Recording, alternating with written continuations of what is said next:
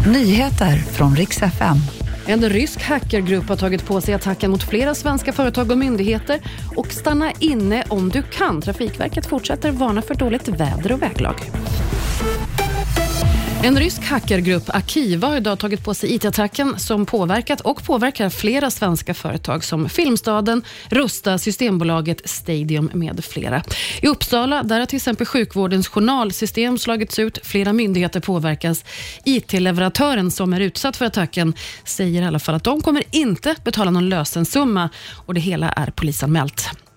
Stanna inne om du kan, säger Trafikverket och uppmanar den som kan att inte åka ut på grund av det dåliga vädret. Det är snö, vind och stora översvämningar fortfarande. Sammanlagt så har SMHI faktiskt lagt ut över 30 vädervarningar idag i 10 län. Ja, en positiv effekt är i alla fall att när det blåser mycket så har vindkraften gått för fullt. Idag har man faktiskt haft rekordnivåer. Elpriserna rasar därför ner till 30 öre kilowattimmen och södra Sverige har faktiskt fått årets lägsta priser just idag. I helgen då utsågs vinnaren av årets, eh, tävlingen Årets sunkak. Och vinnaren av det här anrika priset det blev Pizzeria Grand i Jakobsberg norr om Stockholm. Här är det ytan som räknas och ägaren, som också driver flera restauranger, säger att ja, de har helt enkelt inte orkat bry sig om det ytliga och är jätteglada för utnämningen i alla fall. Tusentals glada besökare har deltagit i omröstningen, som i år hölls för tionde året i rad. Så grattis säger vi till Pizzeria Grand. Och Det var nyheterna. Jag heter Maria Granström.